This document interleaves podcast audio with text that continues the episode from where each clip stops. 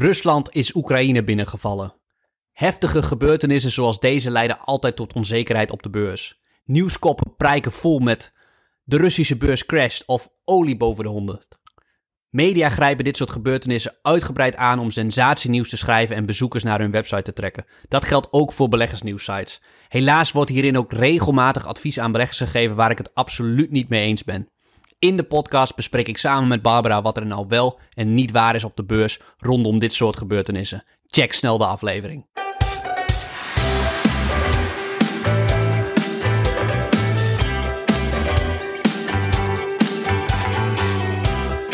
Ja, leuk dat je luistert. Mijn naam is Rowan. En mijn naam is Barbara. En vandaag hier vanuit het luidruchtige Maar meestal zonnige Tenerife. Tenerife. Ja, we hebben ons kleine appartementje in Zwolle tijdelijk verruild voor een nog kleiner appartementje in Tenerife. Ja, ja, ja.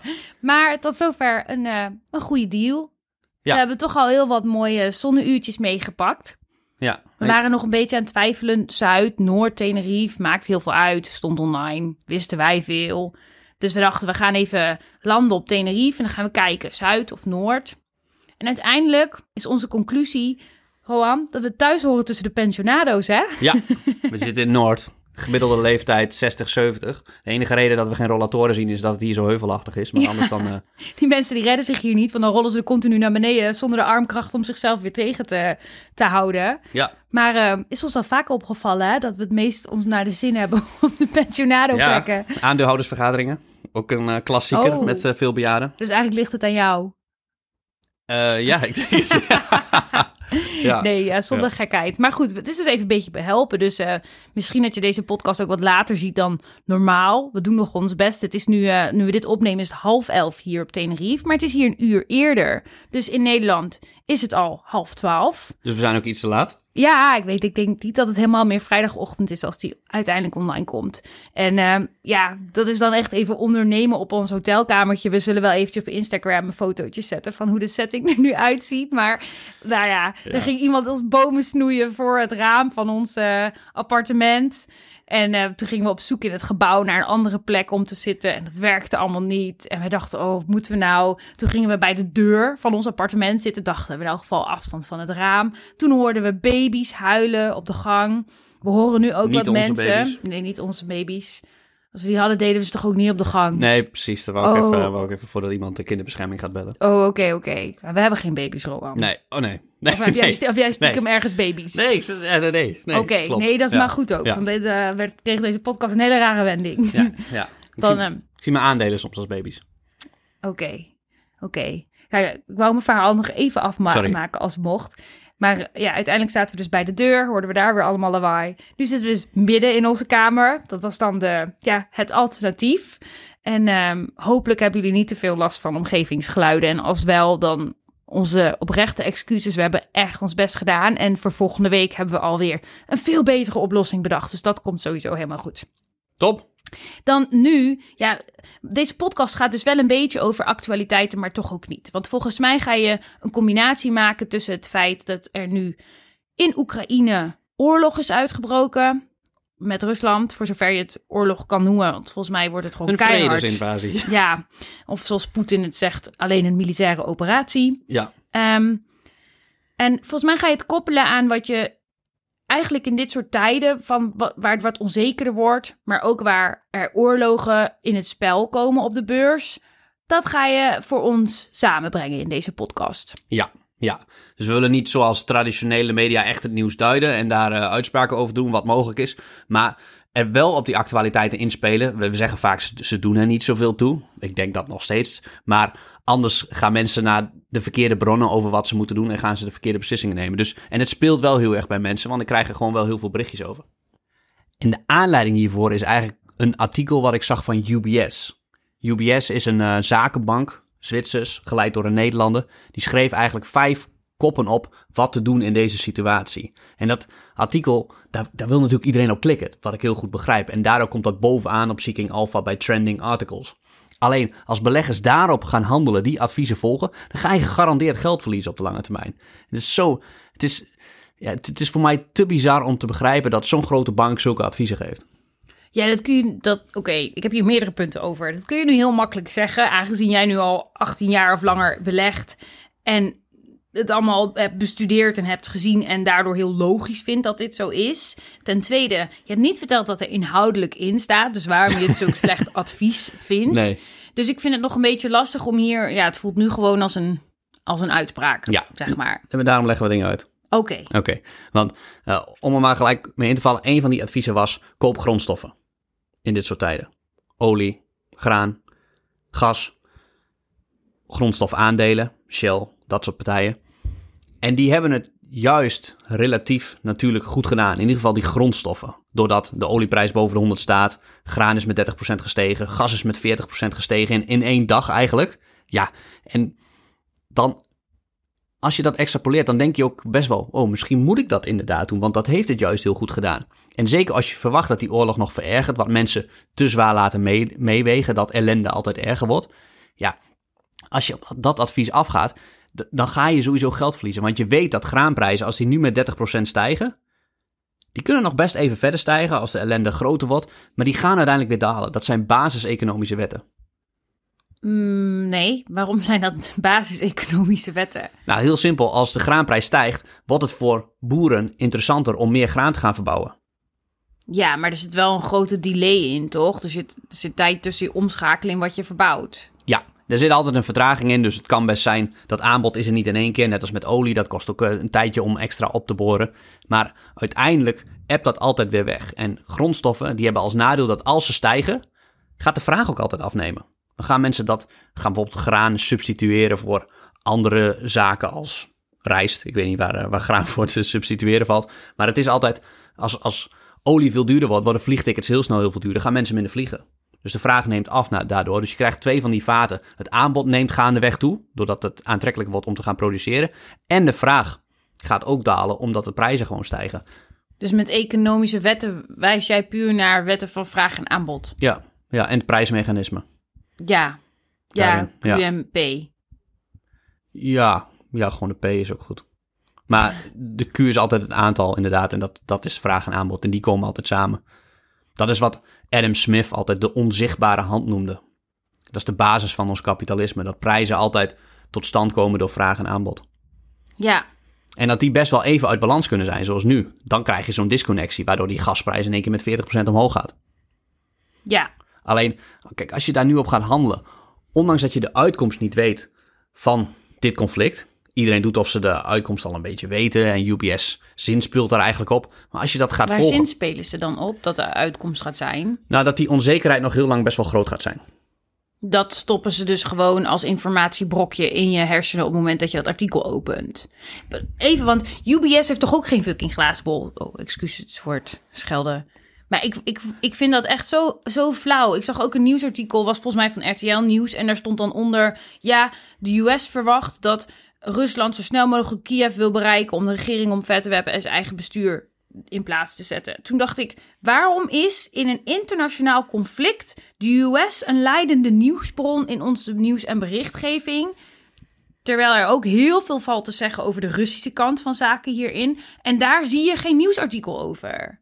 Ja, En dan denk ik, wij he- hekelen de propaganda van Rusland. Tenminste, zo wordt het ons gebracht. ja. Maar wij krijgen net zo goed propaganda. Wij krijgen net zo goed maar één kant. En dan vind ik dat je dat dan zelfs terugziet in zo'n UBS-artikeltje. Die dan jouw mind gewoon voeden van... Ja, dit, nu zijn onzekere tijden aangebroken. Ja, ja. En, en dat is natuurlijk goed voor hun. Want bij dat soort onzekere gevoelens gaan mensen ook meer dat soort artikelen lezen. Want Ja. die voelen meer van... Oeh, ik moet iets, ik moet opletten, ik moet hou vast, ik moet ergens naar kijken. Maar je wordt gewoon bespeeld als mens. ja. Je wordt echt gewoon psychologisch bespeeld. Ja. En het is heel moeilijk om de heldere waarheid te blijven zien.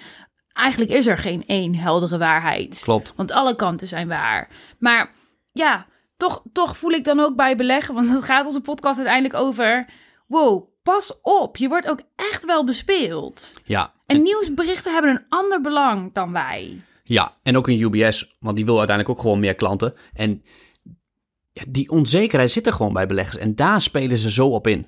En dat is zo gevaarlijk. En ze weten precies wat ze moeten schrijven. En ja, UBS wordt dan gezien als expert. Maar geloof mij, de, de hele financiële industrie per saldo, er zijn geen experts. Die pakken veel meer van klanten, van beleggers, dan dat ze aan waarde toevoegen. En dat, ja, dat vind ik eigenlijk echt schandalig. Ja, dat hekel jij ook altijd Ja, op. maar je moet ook, als je, als je in de schoenen van UBS gaat staan, hè, die kunnen ook niet zeggen, ja, wij weten het eigenlijk niet. Die, Nee. die gaan dus gewoon uitspraken doen. Ja, en, en zelfs, weet je wel, degene die zo'n artikel schrijft, die doet gewoon zijn werk. Dus dat kan je eigenlijk ook alleen maar, ja, dat kan je alleen maar begrip voor hebben. Ja. Dat ze zijn werk doet. En, maar wat dan, wat dan denk ik het, het punt ermee is, is voor een heleboel mensen lijkt er een kern van waarheid in te zitten. Want de manier van redeneren klinkt heel logisch. Ja, ja. En mensen smachten naar oorzaak-gevolg. Dat ze dat aan elkaar kunnen linken. En als dat in je hoofd past, dan denk je, oh ja, is logisch. Is logisch. Ga ik in mee. En vaak is die oorzaak-gevolg-relatie helemaal niet zo duidelijk. En Maar- dat, Zeg jij dan, ja, de, die grondstoffen kopen, dat is niet waar. Dat is gewoon echt niet waar dat je dat moet doen. nou, op de lange termijn is het niet waar. Ik weet niet of het op de korte termijn waar is, want we weten niet hoe dat conflict helemaal precies gaat zijn. Als er morgen een akkoord komt met Rusland, eh, dat ze toch, ja, kan gebeuren, geen idee. ja. Ik heb boek gelezen over Poetin. Misschien niet zoveel kans van, maar dat, dat zou dom zijn eh, Nou, om daarover even, te dat- speculeren. Dat zeg je nu als grappig, een beetje grappend. Maar gisteren zei je nog tegen mij: ja, hij is al 30 jaar aan de macht. En hij heeft eigenlijk al die tijd nog niks gedaan. En er zijn wel veel dreigingen geweest, maar eigenlijk heeft hij zoveel nog niet gedaan. Ja. ja, maar als je dat boek hebt gelezen, geloof ik, het heet De Nieuwe Tsaar van eh Meijers. Dat is een, eh, altijd een eh, correspondent, geloof ik, voor een Amerikaanse krant in Moskou. Hij heeft, ik zei dat hij niks gedaan heeft, maar dat bedoelde ik echt militaire dingen. Hij heeft natuurlijk wel de, de Krim gedaan, maar daarvoor valt het wel mee. Maar als je ziet wat hij in zijn land gedaan heeft, dan zou je dat ook wel een soort van binnenlandse oorlogsvoering kunnen noemen. In de vorm van allerlei corruptie en hoe die aan de macht is gekomen en gebleven. Ja, dat is, ja, dat is fascinerend. Heel knap. Heel knap. En als ik toch mag speculeren, denk ik dat wij als Westerse, is dat het grootste gevaar, hem onderschatten. Oh ja? Dat we hem als seniel zien en eh dom, domme vent dat hij nu dit doet. voed je de angst. Ja, nu, oh sorry. Ja, je hebt gelijk. Je hebt gelijk. Ja. Ja, ja. ja dus, maar zo ga ik daar ook in mee dan soms. Ja, nee, maar ik zie hem helemaal niet als seniel als jij zo aan zo'n land kan blijven. Kijk, zelfs als je, als je dat via... eh, Dat is natuurlijk veel meer militaire macht wat hij uitoefent eigenlijk. Hè? Een beetje aan de macht kunnen blijven door de juiste poppetjes op de juiste plekken te hebben met de juiste loyaliteit. Ja, Maar zelfs dan moet je heel slim zijn.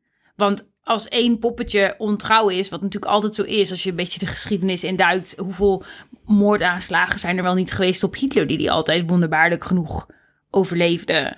Maar de deslo, deloyaliteit, desloyaliteit, onloyaliteit, ja, nou ja, ja, is zo gebeurd. Dus je moet behoorlijk slim zijn om daar te komen en te blijven en dan dat zo lang vol te houden. Ja, ja, ja, bizar slim. Veel geluk gehad hoe hij aan de macht gekomen is. Dat geloof ik ook niet helemaal. Nou, hij kwam natuurlijk niet uit een, uit een nest. Hij kwam uit een heel arm nest eigenlijk. En dan is het wat minder gebruikelijk dat je de president wordt dan dat je al uit een wat gevestigde. Hmm, ik ken nog wel iemand die uit een armnest kwam. En toen heel Europa wilde... de- Oh, ja, ja, die kennen we ook. Ja, Ja. ja. die parallellen worden nu ook dan getrokken, hè? Dat dat weer dat soort Oké, dingen. we Maar gingen is- hier niet in mee. We gingen hier niet in mee. Ja, Nee, nou ik denk... eh, Oké, dus we gingen op het grondstofstukje. En daarvan zeg jij... mm, ja, op de lange termijn is het niet waar. Maar mijn gevoel zegt, als dit conflict verder gaat... en ehm, hij is wel... eh, ja, dit is het begin van iets groters of zo. Wat mijn persoonlijke mening is trouwens dat dat niet zo is. Maar stel dat dat wel zo zou zijn... Ja, dan zou graan misschien wel slim zijn. ja, er is een kans dat het op de korte termijn dat die uitspraak gelijk heeft gehad. En dan, degene die dat lezen denken, wow, UBS, dat zijn echt fenomenen. Die hebben dit voorspeld. Eh, er is een kans dat het niet gebeurt. En die mensen vergeten dat, want dat soort dingen vergeet je. Maar als iets positiefs en je hebt daar zelf ook nog geld mee verdiend... ja, dan word je klant bij UBS. Wat, wat zie jij dan als korte termijn? Ja, de- eigenlijk alles binnen een jaar is voor mij korte termijn. Oké, maar als het conflict, stel het conflict duurt vijf jaar. Ja. ja, dan heeft het grondstoffenmarkt heeft het geen effect. Want de markt past zich zo snel aan met alle vraag en aanbod... dat daar, dat daar zo weer... eh, kijk, die, die olieprijs nu boven de 100 schiet... ja, al die schalieboeren in de US... die heel flexibel hun productie kunnen opschalen... ja, die staan te smullen. Dat gaan ze doen. Die gaan oppompen omdat ze zo, goed, zo dikke vette winstmarges er nu op zitten. Omdat die marginale kostprijs misschien rond de 60 dollar per vat ligt. Dus dan pak je gigantisch veel. Dus die gaan pompen. Dus het tweede pompje gaat aan. Tweede pompje gaan. ja, maar kijk, dus dat, ja, ik vind dat, dan ben je echt aan het speculeren als belegger als je op zulke koppen en artikelen mee gaat doen, dat je een draai gaat maken. Ook bijvoorbeeld over recent zijn tech-aandelen gecrashed. Echt heel fors. Alles, we hebben het, hebben het uitgebreid over gehad. Als je die draai had gemaakt in november, als een UBS of een een of andere bank had gezegd: ja, nu moet je die draai maken van tech naar waardeaandelen. Ja, dan, dan ben je een held, want dan heb je precies goed voorspeld. En net als nu mensen, bepaalde mensen hadden voorspeld dat die inval zou komen, ja, die geluksfactor daarin is zo belangrijk. Want uh, er zijn heel veel goeroes die al twintig jaar lang een oorlog voorspellen, of twintig jaar lang dat daar spanningen zijn. Of wat je nu ook weer ziet qua koppen. Ja, goud. Goud kopen. Ja, maar nu, nu laat je het lijken alsof het misschien als iemand hier een voorspelling over had gedaan, allemaal op geluk aankomt. Nee, nee. Terwijl als je een beetje in die materie zou zitten, die spanningen tussen Oekraïne en Rusland, en je weet er veel meer van, je het misschien oprecht enigszins kon voorspellen. Ja, en als je het boek, uh, je hebt het vaker over gehad, Supervoorspellers van Ted Lok. Ik vind dat echt een van de betere boeken geschreven over wie als beste kunnen voorspellen. Dan zijn er inderdaad mensen die beter kunnen voorspellen. Maar degene die als beste kunnen voorspellen, die weten dat er een vorm van geluk in zit. Het is gewoon eigenlijk een kansberekening. Hoe groot is de kans dat Rusland Oekraïne binnen zou vallen? Wat had je op 1 januari voorspeld dat er dit jaar zou gaan gebeuren? Nou, dan ga je kansen toekennen. 10%, 30%, 50% ja, voor mij niet te doen. Geen idee. Maar iemand die daar echt heel erg op zit met al die datapunten, uh, multidisciplinair kan denken. Ja, dat zijn, dat zijn de beste voorspellers. En dat zijn, uh, dat zijn niet de mensen bij de banken bijvoorbeeld. Dat zijn individuele denkers. Waarom individuele denkers? Die hebben toch helemaal niet de resources om dat allemaal goed te kunnen onderzoeken? Ja, nou, in dat boek staat ook bijvoorbeeld als je de CIA vraagt om dit soort voorspellingen, of Amerikaanse instanties die hier eigenlijk continu mee bezig zijn.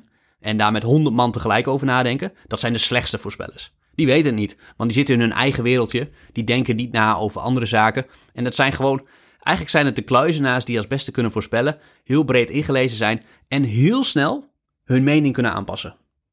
Dus ah, nieuwe informatie, oké. Kans op inval verhoogd, kans op inval verlaagd.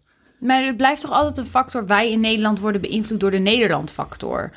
Ehm, dus dat heeft toch iedereen die nadenkt.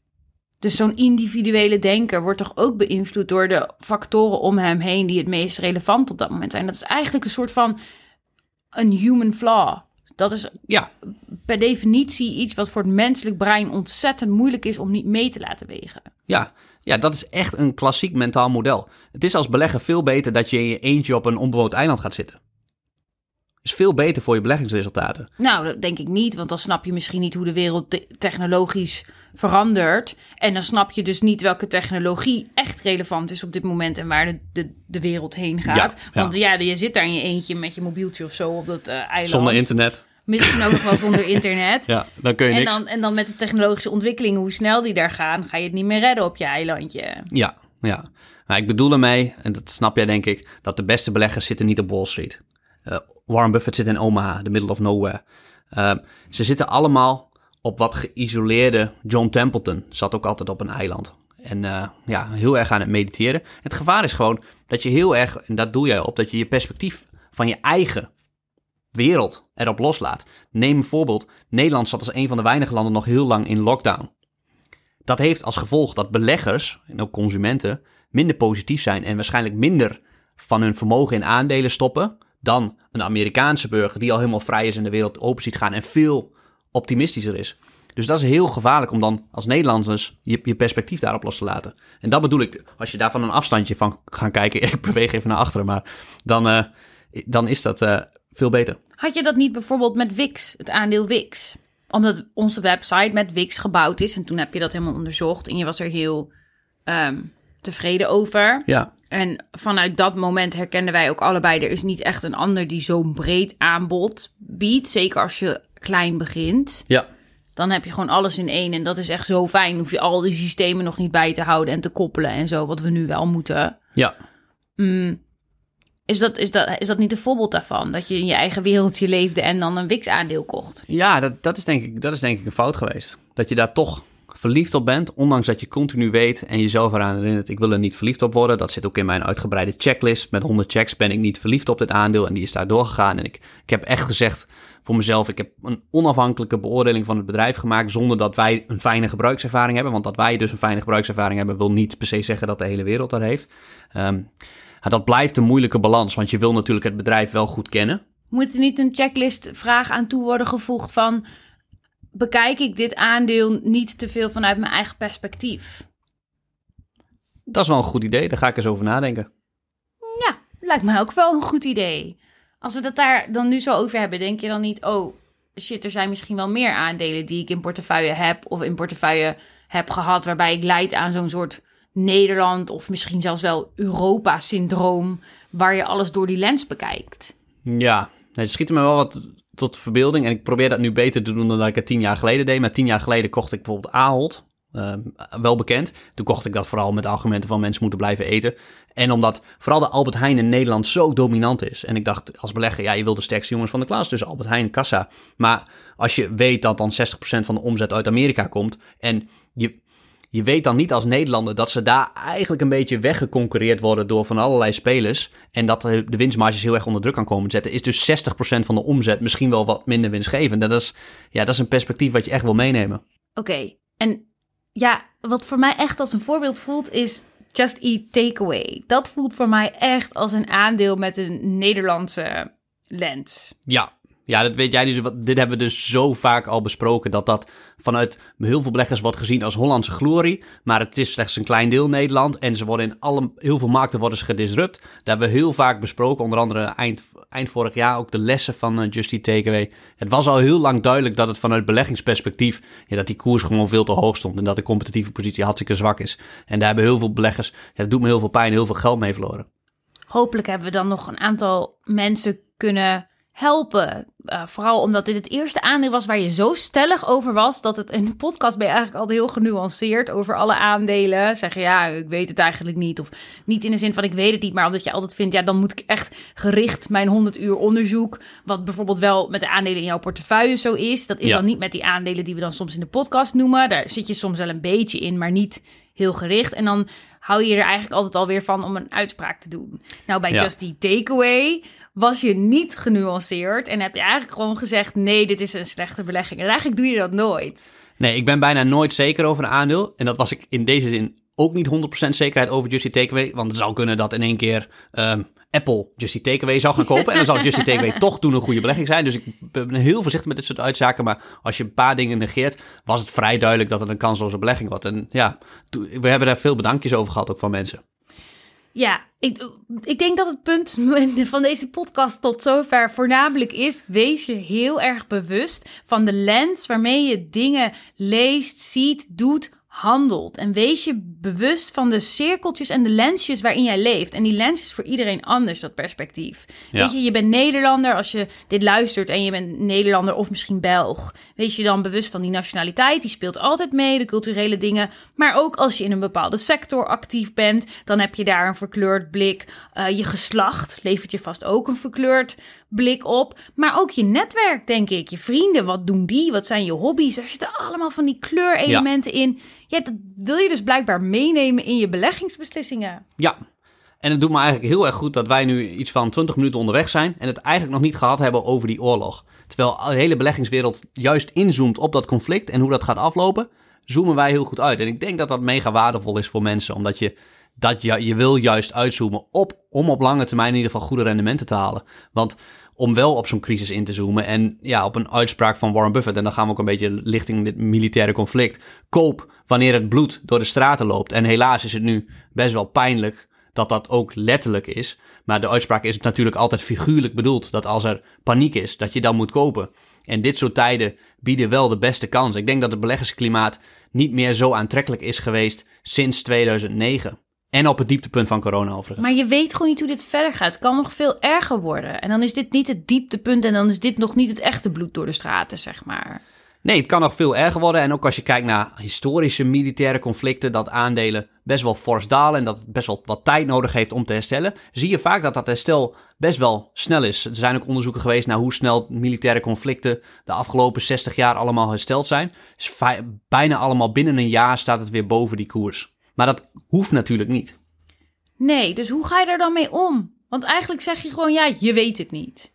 Nee, je weet het niet. Nou, een hele simpele raadgever is dat hoe grotere angst je voelt bij jezelf, hoe, hoe agressiever je moet zijn op de beurs. Nou, ik vind dat een. Ik, ik zit nu voor het eerst eigenlijk in dat zo'n onzekere tijd. En ik voel dat ook zeker wel. Ik heb bijvoorbeeld gemerkt dat ik zat er. Ik zat met enige regelmaat, niet zo heel gedisciplineerd, maar wel met enige regelmaat zet ik wat geld opzij op mijn beleggingsrekening om, om netjes aandelen, wat aandelen bij te kopen.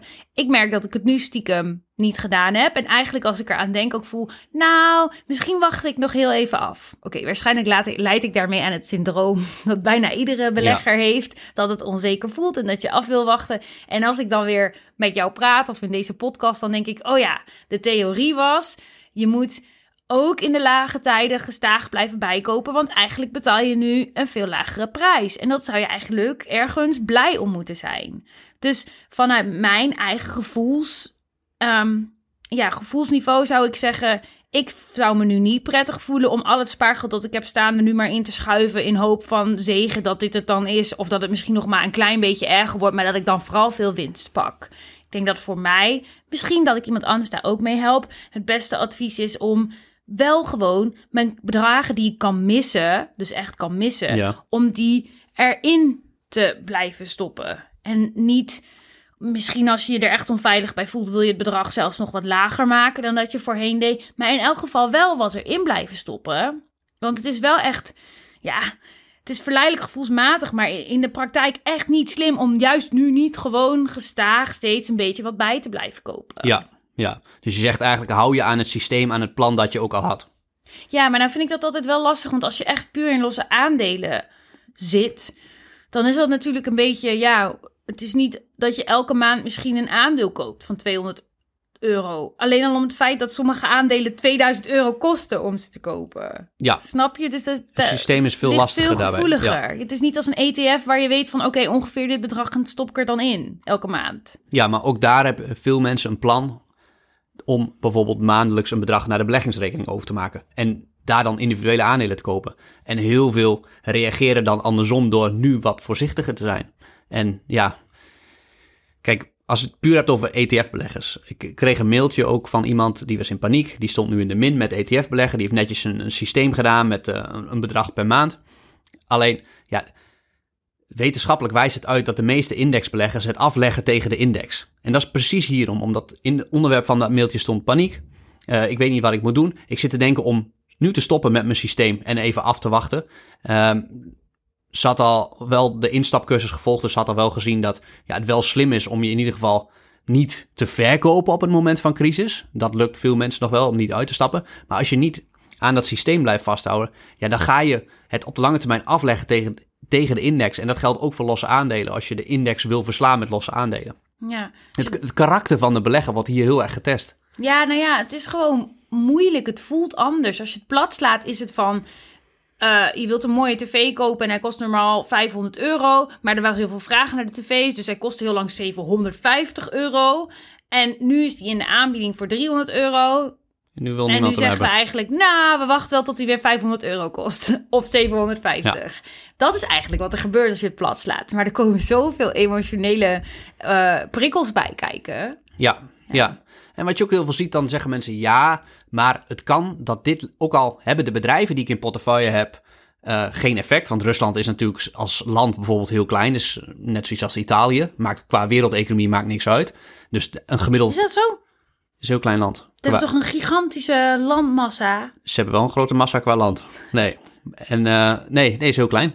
Is vergelijkbaar met Italië. Ik hoor altijd dat ze heel veel economische reserves hebben, bla bla bla. Volgens mij is het wel een arm land verder qua burgers, maar... Ja, ja en ze zijn heel, nou, vooral heel veel uh, afhankelijk van uh, olie- en gasinkomsten natuurlijk. Mm. En dat tikt wel lekker aan nu met die hogere olieprijs. Behalve dat iedereen. Behalve dat niemand het weer koopt. nou ja, er zijn altijd landen die dat natuurlijk wel afnemen. Want er zijn altijd handelaren die dat al stiekem dan opkopen. Maar dat is, wordt allemaal niet zo makkelijk.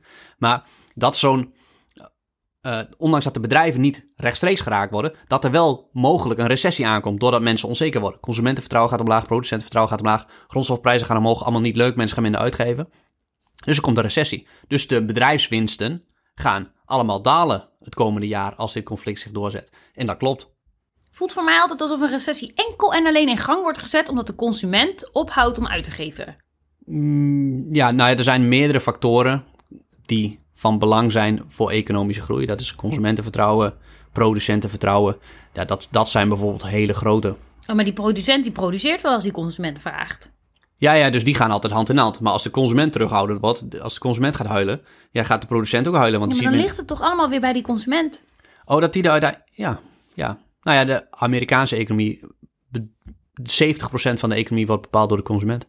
Dat is echt veel hoor. Ja, Daar heb je dus als individuele burger. En wij denken allemaal dat we heel individualistisch denken. Maar uiteindelijk zijn we gewoon onderdeel van een systeem en gedragen we ons best wel gelijk.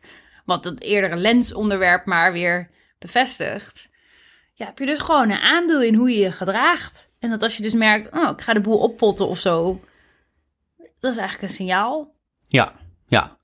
Klopt. Waar ik het over wil hebben is de oorzaak-gevolgrelatie... waar we het aan het begin van de podcast over hebben. Mensen, oorzaak, eh Poetin-invasie, gevolg, recessie. Maar Dus- is geen feit. Nu praat je alsof het een feit is. Nu, Nee. ma- nu maak jij dat consumentenvertrouwen stuk. Zo kwam ik erop. Ja. Jij bent, Oh, zet nu ja, mensen ja. aan tot een recessie starten. Omdat jij nu hun vertrouwen ontneemt. Ja, dus wij veroorzaken hier een wereldwijde recessie. Want ik, Oké, ik, maak iedereen ervan bewust dat als je ophoudt met spenderen... dat je bijdraagt aan een recessie. Ja, En jij zet ze aan tot recessiegedrag. Ja, ja. ja. Nee, maar laten we vanuit gaan dat de consument even depressief is en minder gaat uitgeven. Dan is dat slecht voor de bedrijfswinsten. En dus dan gaan de dividenden omlaag. Dus dan raakt dat aandeelhouders direct. Maar ook alleen op korte termijn. Want je kan de consument niet zo lang depressief houden. Die gaat op een gegeven moment weer, gaan die dingen vergeten. Corona werden we eerst helemaal heel depressief van. Uiteindelijk vonden we dat allemaal prima. En vinden we er een manier om mee te leven. Dus het is allemaal tijdelijke effecten. En heeft totaal geen effect op de lange termijn op de bedrijven in portefeuille. En mensen vergeten dat op zulke momenten dat als je aandelen hebt, dat je mede-eigenaar bent van het bedrijf. En als het bedrijf het goed doet op de lange termijn, zul jij het goed doen. Weet je wat ik een grappig effect vind? Jij gebruikt heel vaak de term korte termijn of tijdelijk. Zeker bij tijdelijk denk ik aan periodes van een paar weken tot maximaal een maand. Als je tijdelijk zegt in deze context, heb je het meer erover van... als we over een tienjaarsperiode kijken, dan waren die twee jaar maar tijdelijk. Ja. En dat is, merk ik in mijn eigen brein, een beetje een mis... Ja, miscommunicatie in mijn eigen brein. Ik weet niet hoe je het uit Oh, moet ja. leggen, maar ik hoor dan tijdelijk en ik... ik, ik eh, ik denk dan aan een nog veel kortere periode dan jij bedoelt. Dus ik voel een beetje opstand in mezelf van... maar we zitten er toch nog middenin. Hoe kun je nou zeggen dat het tijdelijk is? Dat Ja. idee. Ja, ja zo kijk, er zijn nu veel mensen die mijn portefeuille volgen. En dan ook in deze tijden gaan bepaalde aandelen gaan best wel slecht. Ik denk dat dat mega kansen oplevert. Maar dan krijg ik vervolgens vragen van, ja, wanneer, wanneer wordt het verbeterd? Gaat het bedrijf kapot? En als dat dan een paar weken later nog niet is gebeurd, dan krijg je nog eens een follow-up berichtje van, hey, eh, het, gaat, het, gaat, het gaat nog slechter. Dus ja, dat is een heel andere definitie van tijdelijk. Ik denk van, ja, ik bedoel, een be- belegging, voor mij, als ik een aandeel koop, kan ik pas over drie jaar bepalen of dat een goede beslissing en belegging is geweest. Nou soms weet je dat het een slechte beslissing voor de tijd is geweest, maar meestal niet. Ook aandelen die ik recent gekocht heb en fors gedaald zijn, ja, dat, eh, het, woord is nog niet uit of dat een goede keuze was of niet. En dat eh vergeten heel veel beleggers, dat als ze een aandeel kopen en die daalt binnen een paar maanden met 50%, dat dat dan per se een slechte beslissing is geweest. Ja, tijdelijk, je had goedkoper kunnen kopen, dus dat is, dat is balen. Maar zo werkt de markt, je kan niet timen.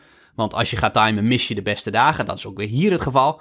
Als je de vijf beste dagen mist eh, in een jaar, dan ga je gemiddeld, ja, is, is je winst eigenlijk verdampt op de hele lange termijn. Hier heb je volgens mij een een paar maanden geleden een eh, brief over gedeeld. Ja, ja, Dus die is ja, ergens nog terug te vinden tussen de beleggersbrieven... als je je aanmeldt op onze community. ja, Als je hier echt heel graag het onderzoek achter wilt eh, lezen... die staat er ergens tussen. ja, ja. Ja, en, en voor de rest, lieve luisteraar, als je benieuwd bent hoe Rowan omgaat met de aandelen in zijn portefeuille, overweeg dan eh Rowan's portefeuille. Want daarin neemt Rowan je helemaal mee in zijn keuzes en beslissingen en de waarom. Er zit ook altijd een, maandelijkse Q&A bij in, waarin je rechtstreeks vragen aan Rohan kan stellen over dingen. Dat kan gaan over zijn portefeuille en de keuzes die hij daarin maakt, maar het kan ook gaan over wat algemenere zaken natuurlijk, als dat echt leeft bij je.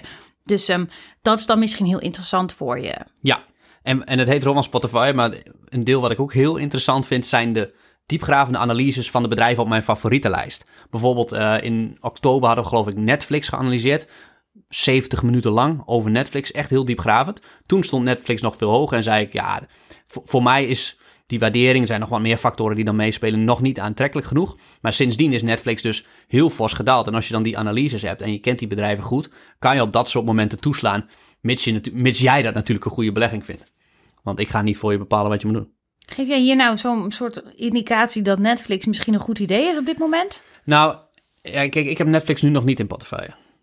Ja, jij zegt altijd, mijn portefeuille is leidend. Als je echt wilt weten waar ik in geloof, dan moet je naar mijn portefeuille kijken. Ja, ja, ja. En dat betekent niet dat er nog niet honderden bedrijven naast mijn portefeuille zijn waarvan die aandelen het fantastisch gaan doen. Maar het is gewoon, ik weet dat ik op de lange termijn waarschijnlijk de index ga verslaan met de huidige portefeuille.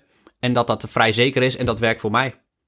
Oké, ehm, nou, we hebben hier een podcast gehad die eigenlijk ergens ging over uh, beleggen en gelinkt aan dat Rusland Oekraïne binnen is gereden, om, om het zo maar te zeggen. Um, mm, volgens mij had je ook nog wat dingen wat meer gerelateerd. Want ondertussen zijn we alweer heel lang onderweg. En ik ben eigenlijk best wel trots op dat we dan zo weinig over het conflict hebben gehad. We zijn natuurlijk ook geen experts daarin. Maar een beleggersuitspraak is wel: als de kanonnen bulderen, als de kanonnen knallen, dan wil je aandelen kopen. Oké.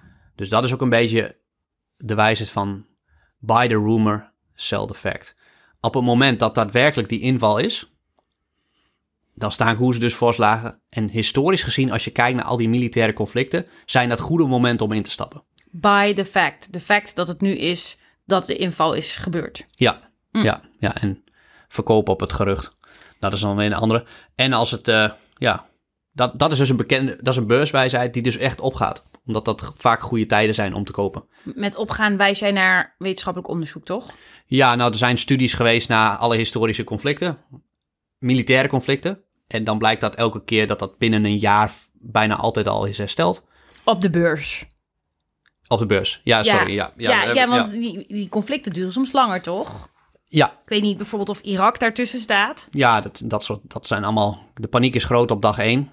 En, maar op de lange termijn is het, doet het er echt gewoon niet toe. En dat is ook logisch, hè? het doet er niet toe voor de economie. Ja, op de beurs. Ik, vind dat, ik wil het toch benadrukken, want het voelt heel scheef om te zeggen... maar we bekijken het hier natuurlijk vanuit beleggersperspectief ja, het menselijk leed is natuurlijk gigantisch. En ja, dat is wel heel erg heftig. Ja, oké. Dus ik vind dat gewoon wel belangrijk om dan te blijven benadrukken van we willen hier niet plat of cruw klinken. We benaderen het dan vanuit beursperspectief. Ja, en het is ook heel erg mooi als je nu die aandelenportefeuilles die in de min staan, dat dat, ja nee, dus zeg ik dat is mooi, maar um, dat wij de baarmoederloterij gewonnen hebben als Nederlanders. Wij hebben, nog, we hebben, nog, we hebben altijd, altijd in een vrij land geleefd. We hebben nog nooit die onzekerheid gehad dat we ons huis uit moeten. Nee, nee, we hebben het echt heel goed. Ja echt heel goed. Dak, meeste mensen dak boven hun hoofd. Ja, en misschien helpt dat sommige mensen die gigantisch balen... van dat de aandelen nu tijdelijk in de min staan. Even een perspectief. Om een perspectief te plaatsen. Oké, okay. um, mogen we al gaan afronden? Ja. Dan is mijn vraag toch aan jou...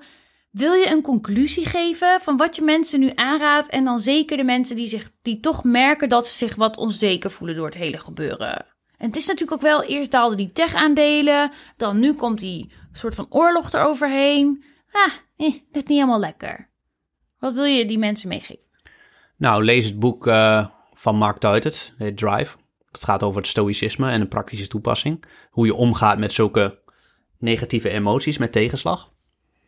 Maar dat is niet echt een concrete tip. Ik doelde op de beurs. Uh, op de beurs. Oh, oké. Hoe nu te, wat nu te doen op de beurs? wat nu te doen op de beurs. Focus je op de bedrijven die je in portefeuille hebt. En dan niet op de beurskoers van die bedrijven, maar op de cijfers. Dus gisteren kwam uh, Booking, Alibaba, uh, nog wat andere bedrijven, allemaal met cijfers. Normaal hoor, je dat, hoor ik dat allemaal op appgroepen. Nu ging het helemaal niet over die cijfers. Nu ging het over de oorlog en wat te doen. Terwijl het enige wat jouw belegging gaat bepalen op de lange termijn is hoe die cijfers zijn. Hm. Dus focus je gewoon op die bedrijven. Negeer al die ruis. Sluit dat voor af. Je mag natuurlijk alles volgen over dat conflict op tv, omdat je dat interessant vindt. Mensen vinden dat natuurlijk interessant, anders was dat niet de hele dag op tv. Maar doe dat. ja, doe dat niet vanuit beleggingsperspectief. Beschouw dat niet als dat je onderzoek aan het doen bent over beleggingen. Want dat is echt kansloos. Eén, omdat je het niet weet. En twee, uh, omdat het juist zelfs gevaarlijk is. Want het zet je aan tot dingen doen zoals het afwijken van je systeem. Er zijn in dit soort, test, in dit soort tijden wordt je karakter als belegger getest. En er zijn dit soort tijden dat heel veel mensen afwijken van hun systeem die ze altijd hebben gehad. En wij zijn in de podcast in eerdere afleveringen de afgelopen jaren eigenlijk best wel voorzichtig van wees nou voorzichtig. er is zoveel positiviteit en excess in de aandelenmarkt. Wees daar heel voorzichtig mee. Ja, ik vind dat dat voor ons ook nu een beetje om mag draaien. Ik ben eigenlijk nu juist heel positief in. Wees ook als belegger heel blij, zeker als je belegt voor de lange termijn en een jong iemand bent, dat die koersen zo dalen. Het is gewoon, je bent gewoon gebaat bij dat die koersen dalen. Ben ik jong? Jij bent heel jong. Oké. Ja. ja. Oké. Nou ja, heel jong. Je bent in ieder geval gewoon wel volwassen. Ja, nou ja, jong is zo, dan voel ik, dan gaat het over mensen die 20 zijn en ik ben toch al 32. Ja, ja maar jij, jouw levensverwachting, ik weet niet precies, maar dat is ook gewoon uh, eh, 80 jaar. Dus je bent een hele jonge belegger. Je zit nog aan het begin van je beleggingsleven. Oké, oké, oké. Ja, ja. Was dat alles? Ja, ik, ik, ik denk het wel. Ik, ik, ik denk dat het gewoon sinds het dieptepunt van corona en de financiële crisis zijn dit gewoon hele interessante tijden om te gaan beleggen. Er zijn zoveel kansen. Alles gaat tegelijk omlaag. En ja, dat biedt echt voor zowel de indexbelegger als degene die zelf aandelen selecteert gigantische kansen. En als het onzekerder wordt, ja, dan zijn dat de mooiste tijden. En juich als de beurzen dalen. Juich. Oké. Ehm, als je het gehaald hebt tot hier en je hebt nog niet genoeg van Roan, en je bent nog niet op de hoogte van de YouTube-filmpjes die hij sinds kort online zet. Die zijn ook echt hartstikke gaaf. Nog veel meer verdieping. En dan natuurlijk een visueel element erbij. Ja. Waarin hij dingen daadwerkelijk kan laten zien. Dus check dan ook vooral Rowan Nijboer op YouTube. En dan um, laten we het voor nu erbij. Heel erg bedankt voor het luisteren. Ja, en uh, tot de volgende keer. Tot de volgende keer.